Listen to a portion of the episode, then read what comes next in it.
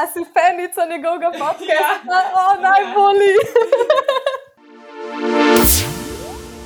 Živijo v že 125. meta podkastu, spet v tem korona času snemam preko spleta, z mano pa je Tina Goršek Šparovec, doktorska študentka na Medicinski univerzi v Gracu.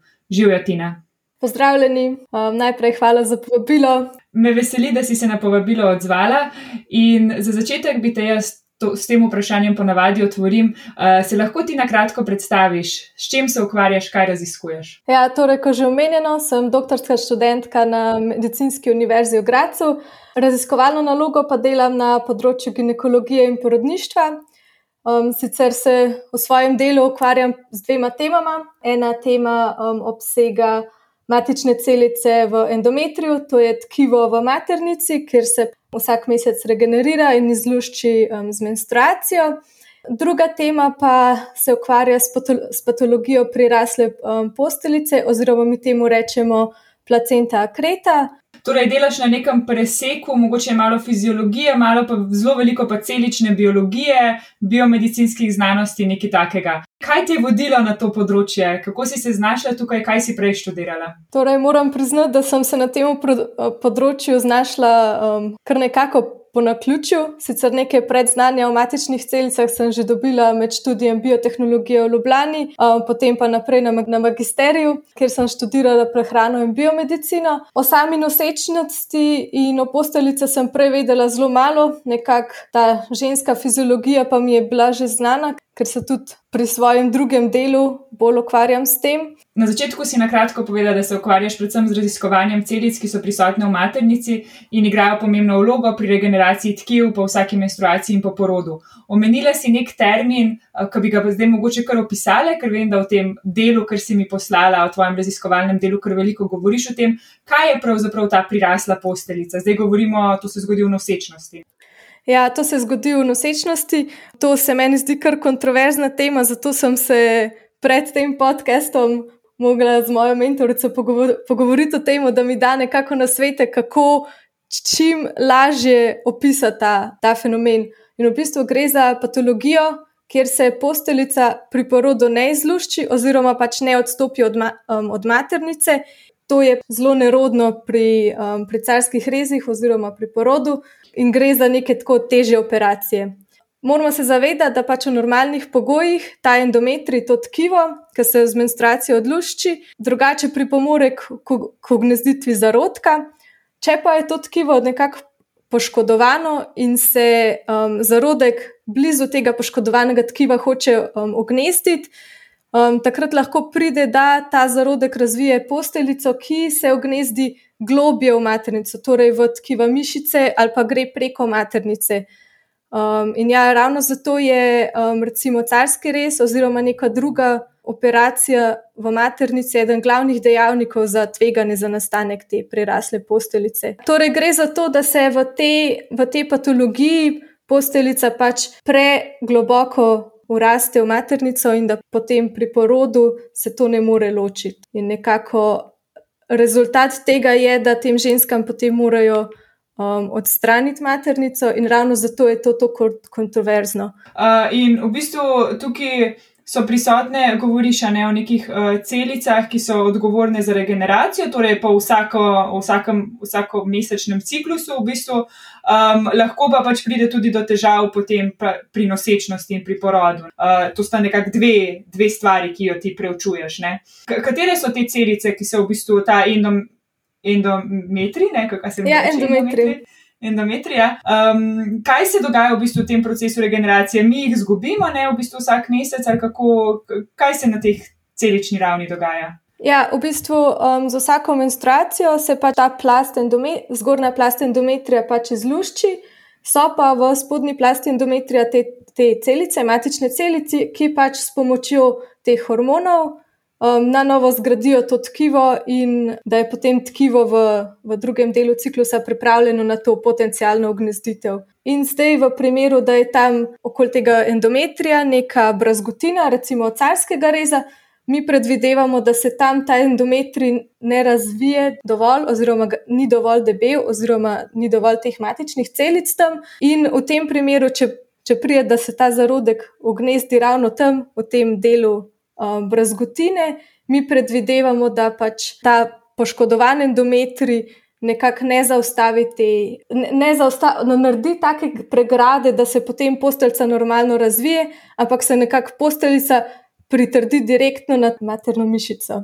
V bistvu na, uh -huh. direktno na maternico. V bistvu ni te pregrade, ki bi potem varovala. To, ja, ravno zato potem ni mogoče, da se ob porodu posteljica loči od same maternice ti to raziskuješ na celični ravni, ne? torej kaj se dogaja s tem endometrijem, kakšne so povezave s hormoni in s temi stvarmi, kaj točno te torej zanima, kako izboljšati to regeneracijo, kaj se dogaja pri tej regeneraciji, um, kaj so tvoje vprašanja. Ja, najprej me zanima, kako sploh te um, hormoni preko menstrualnega ciklusa vplivajo na te celice, kako, kako vplivajo na deljenje teh celic. Po drugi strani me pa zanima, kakšne so te matične celice iz, pri posameznicah, pri kateri pride do placente akrete. Mhm, placenta akreta je ta uh, prirasla, prirasla posteljica. Ja.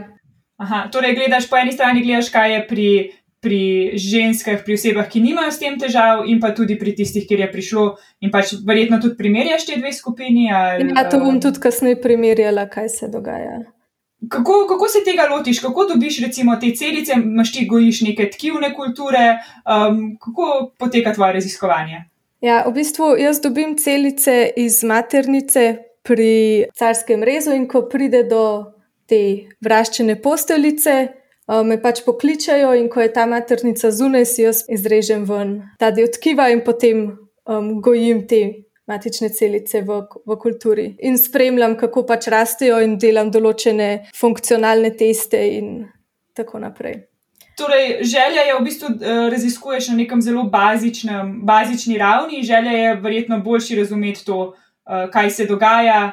Uh, je v nadaljevanju tudi želja po kakšnih uh, potencijalnih terapijah, kaj podobnega. Vse to je zdaj mogoče je zelo daljno sežno v prihodnost, gledam. Ja, Ampak, um, Ja, definitivno ena potencijalna terapija, ki bi jo jaz videla, je, da bi po vsakem prejšnjem carskem rezu oziroma operaciji nekako umestili nazaj več teh matičnih celic, ki bi poskrbele za boljšo regeneracijo tega endometrija in pa same maternice, in bi potem v, naslednji nosečnosti to preprečilo, to uraščeno posteljco. Eh, kaj pa si recimo do zdaj, zdaj um, spoznavaš se s temi celicami, uh, gledaš, kakšen vpliv imajo hormoni, če prav razumem, tudi na te yeah. Ja. uh, celice endometrija. In kaj si do zdaj recimo ugotovila? Um, ugotovila sem, da nekako um, ta progesteron, to je hormon, ki nastopi v, v drugi fazi ciklusa, recimo preobrazi te end, ma, matične celice v preobrazi jih, da postanejo bolj dovzetne za, ta, za implantacijo. Torej, predvidevam po genski ekspresiji, da pripomorejo k sami implantaciji. Po drugi strani sem pa gotovila, da se te celice, ki sem jih izolirala iz, um, iz pacijentk z um, vraščeno posteljico, um, da so drugačne, da hit, se hitreje delijo in da pri določenih eksperimentih so pokazali drugačne lastnosti. Jaz imam eno tako, mogoče malo širše vprašanje tega, ti se v bistvu ukvarjaš z nekimi bazičnimi raziskavami na področju uh, zdravja deklet in žensk. Pa se mogoče je to moje neka pristransko videnje, da je bilo to področje v preteklosti mogoče malo uh, potisnjeno na stran. Maš ti tudi tak občutek, pa je zdaj mogoče te stvari želijo boljše razumeti, ali je to zgodovinsko gledano se vedno raziskovalo? Ja, najprej bi rada pač povedala, kaj se mi zdi na splošno, potem pa še o tem mojem projektu. In v bistvu na splošno, jaz sem videla, kakšna manjka je na področju znanja, ko, ko začneš delati projekt na področju ginekologije ali pa postelj, biologije posteljce, ko v bistvu vidiš, da se ti nikoli prej nisi o tem sploh učil nekaj podrobno. In tako, zakaj je v bistvu posteljca sploh pomembna, zakaj kakšne so njene naloge in kako snovi prehajajo preko posteljce. V bistvu temu se tudi po mojem na raziskovalnem področju ne daje toliko pozornosti, čeprav so, so dobre skupine, ki to po svetu pač raziskujejo, ampak nihče tega ne bere in posteljica je nekako zelo zanimiv organ. Ki je kar mal bil pozabljen, očitno, ja. na teh osnovnih razumevanjih. Ja, res je. Po drugi strani pa sploh ta patologija prirasle poslice je, je nekaj novega, ker se je to začelo pojavljati, ko se je v bistvu povečevalo število carskih rezov.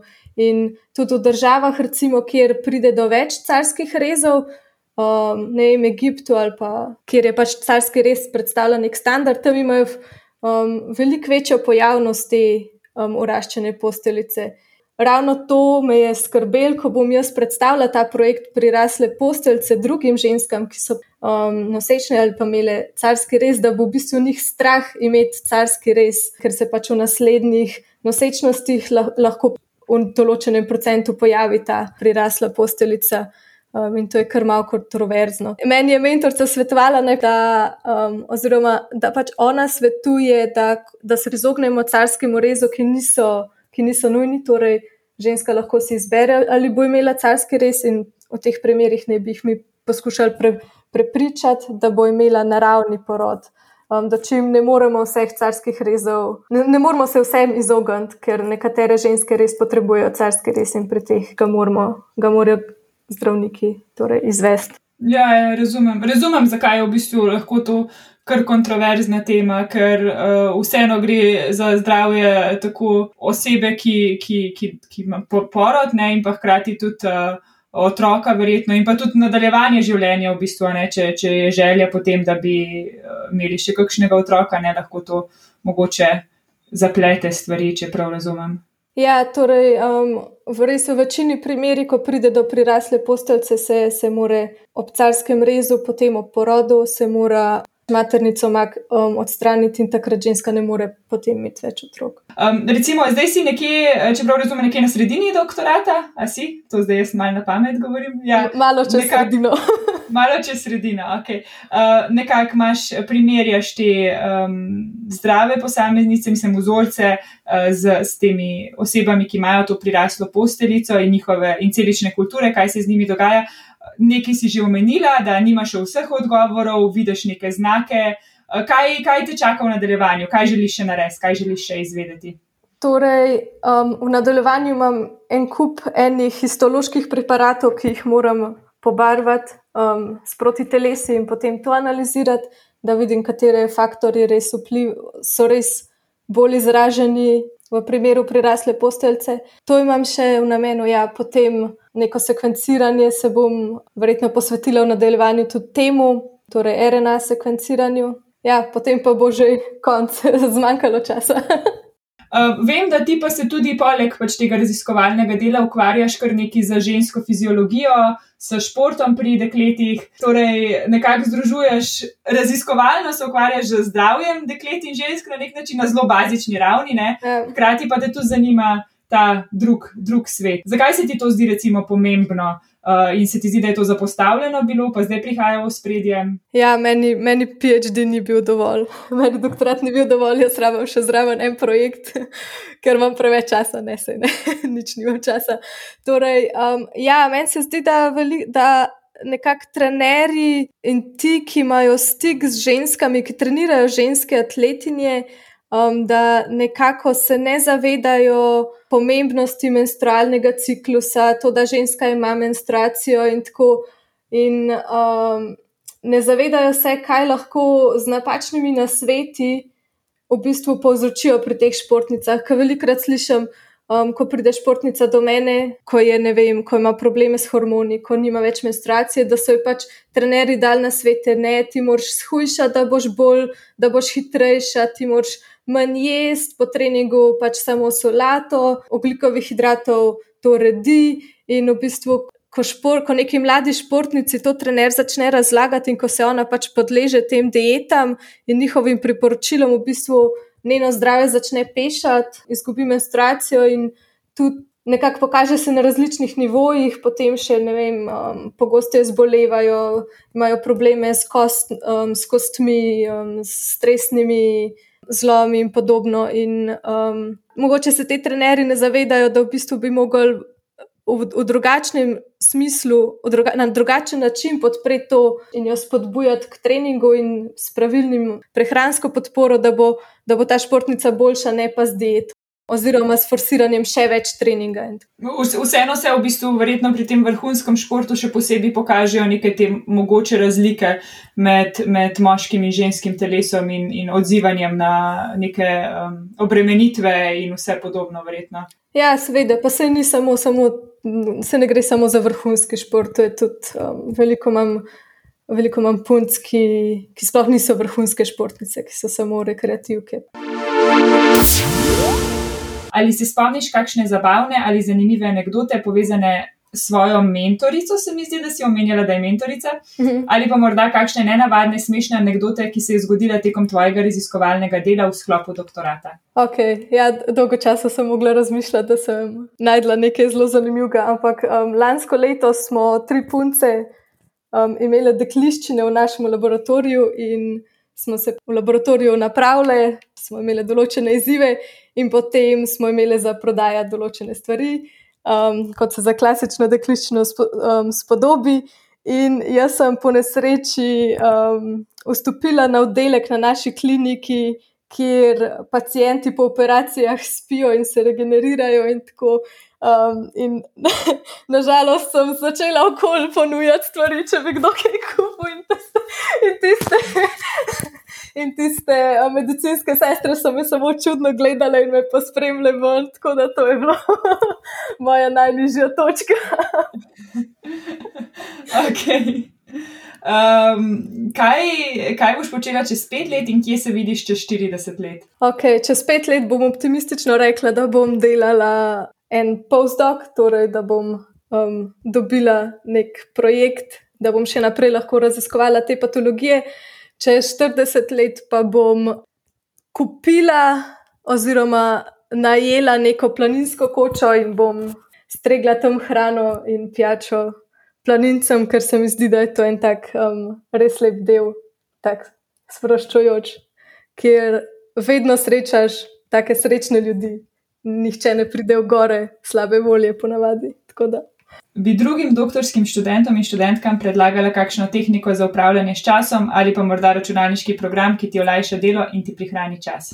Mene rešuje to, da imam treninge in delo splanirano vnaprej, tako da vem, koliko časa bo kaj mi vzelo. In pa pred kratkim sem odkrila eno aplikacijo, ki se imenuje Forest, ki nekako zablokira telefon za določen čas in potem ne moreš iti na Facebook, Messenger in Instagram in te nekako odvrne od tega, um, da bi brskal po telefonu za, in zgubljal čas za brez veze. Priporočilo za knjigo, igro, film, spletno stran ali podcast. Tukaj imam eno dobro knjigo, ki jo berem že nekaj časa: The Art of Statistics, Learning from Data. Od Davida Špigelhalterja. Ta je že precej objedena, ker zadnje cajtje mi optiči napadajo, ker je tako dobra. Um, ne priporočam jo, ker na precej poljudno znanstveni nači, um, način razloži statistiko tako skozi vsakdanjo, za vsakdanjo rabo. Ni lahka za branje, se mi pa zdi, da se jo splača predelati in da se da dobre, dobre spiske narediti iz tega. Ja, spletno stran pa bi definitivno priporočila našo spletno stran Human Performance Centra, ker ljudje najdejo več um, člankov, ki sem jih napisala na temo ženske fiziologije. Koga od nam znanih ali neznanih bi povabila na večerjo, če ne bi bilo nobenih omejitev? Torej, na Twitterju sledim um, enemu znanstveniku, Danielu Quintani, ki je v bistvu psiholog, ampak se ukvarja z oksitocinom in to je trenutno moja najljubša molekula. On zelo dobro komunicira svojo znanost javnosti. In nekako se mi zdi, da je tako zelo odprt, tudi ko sem ga jaz sprašvala stvari, tudi če na Twitterju mi je z veseljem odgovoril in mi pomagal z neko statistiko. Ja, še to, um, ful je zaljubljen v ta um, R program, torej programiranje z, v R jeziku. Se mi zdi, da ima veliko skupnih točk in da bi se lahko kar dobro za, zaklepetala. Ja, in tukaj lahko še priporočiva njegov podcast. O, ja, uh, a si fenica njegovega podcasta, ja. o, najbolji. uh, ime podcasta je pa The Hertz podcast. Ja, ja. Je. Ja, Hertz podcast. Hertz podcast. Bova še to dala v priporočila. Tokrat od obeh. Ja, um, res se mi zdi, da, dober, da ima dober pogled na znanost, da predstavi šibke točke znanosti, um, tudi zelo ima zanimive goste, um, tudi, tam tudi govori o svojih projektih in um, Pa sploh je zanimivo tudi, ker ravno ta oksitocin, ki si ga omenila, uh, pre, preučuje in ima zelo res pokaže to, kako recimo veliko ljudi reče oksitocin, hormon sreče, hormon ljubezni, kaj ta zga, on pa dejansko vse te sivine okoli tega hormona predstavlja v svojem delu oziroma tudi raziskuje. Um, ja, res je. Ja, kar je zelo, zelo dobro. Te bom povabila zraven, ko ga povabim na kavo. Super. um, hvala, Tina, za ta pogovor. Ja, hvala vam za povabilo, pa tole je bilo res užitek. Poslušali ste Meta podcast, v katerem se pogovarjamo z mladimi znanstveniki in znanstvenicami z različnih področji znanosti. Podcast domuje na spletišču metinalista.si, kjer najdete tudi druge zanimive znanstvene vsebine. Naše delo lahko podprete z donacijo Metini listi, pohvale, pripombe in predloge lahko posredujete po e-mailu znanost.afna.metinalista.si. Dobrodošli so tudi komentarji na Facebook profilu Metina Liste in na Twitterju Afna Metina Lista, kjer uporabite hashtag MetaPodcast. Se slišimo čez 14 dni.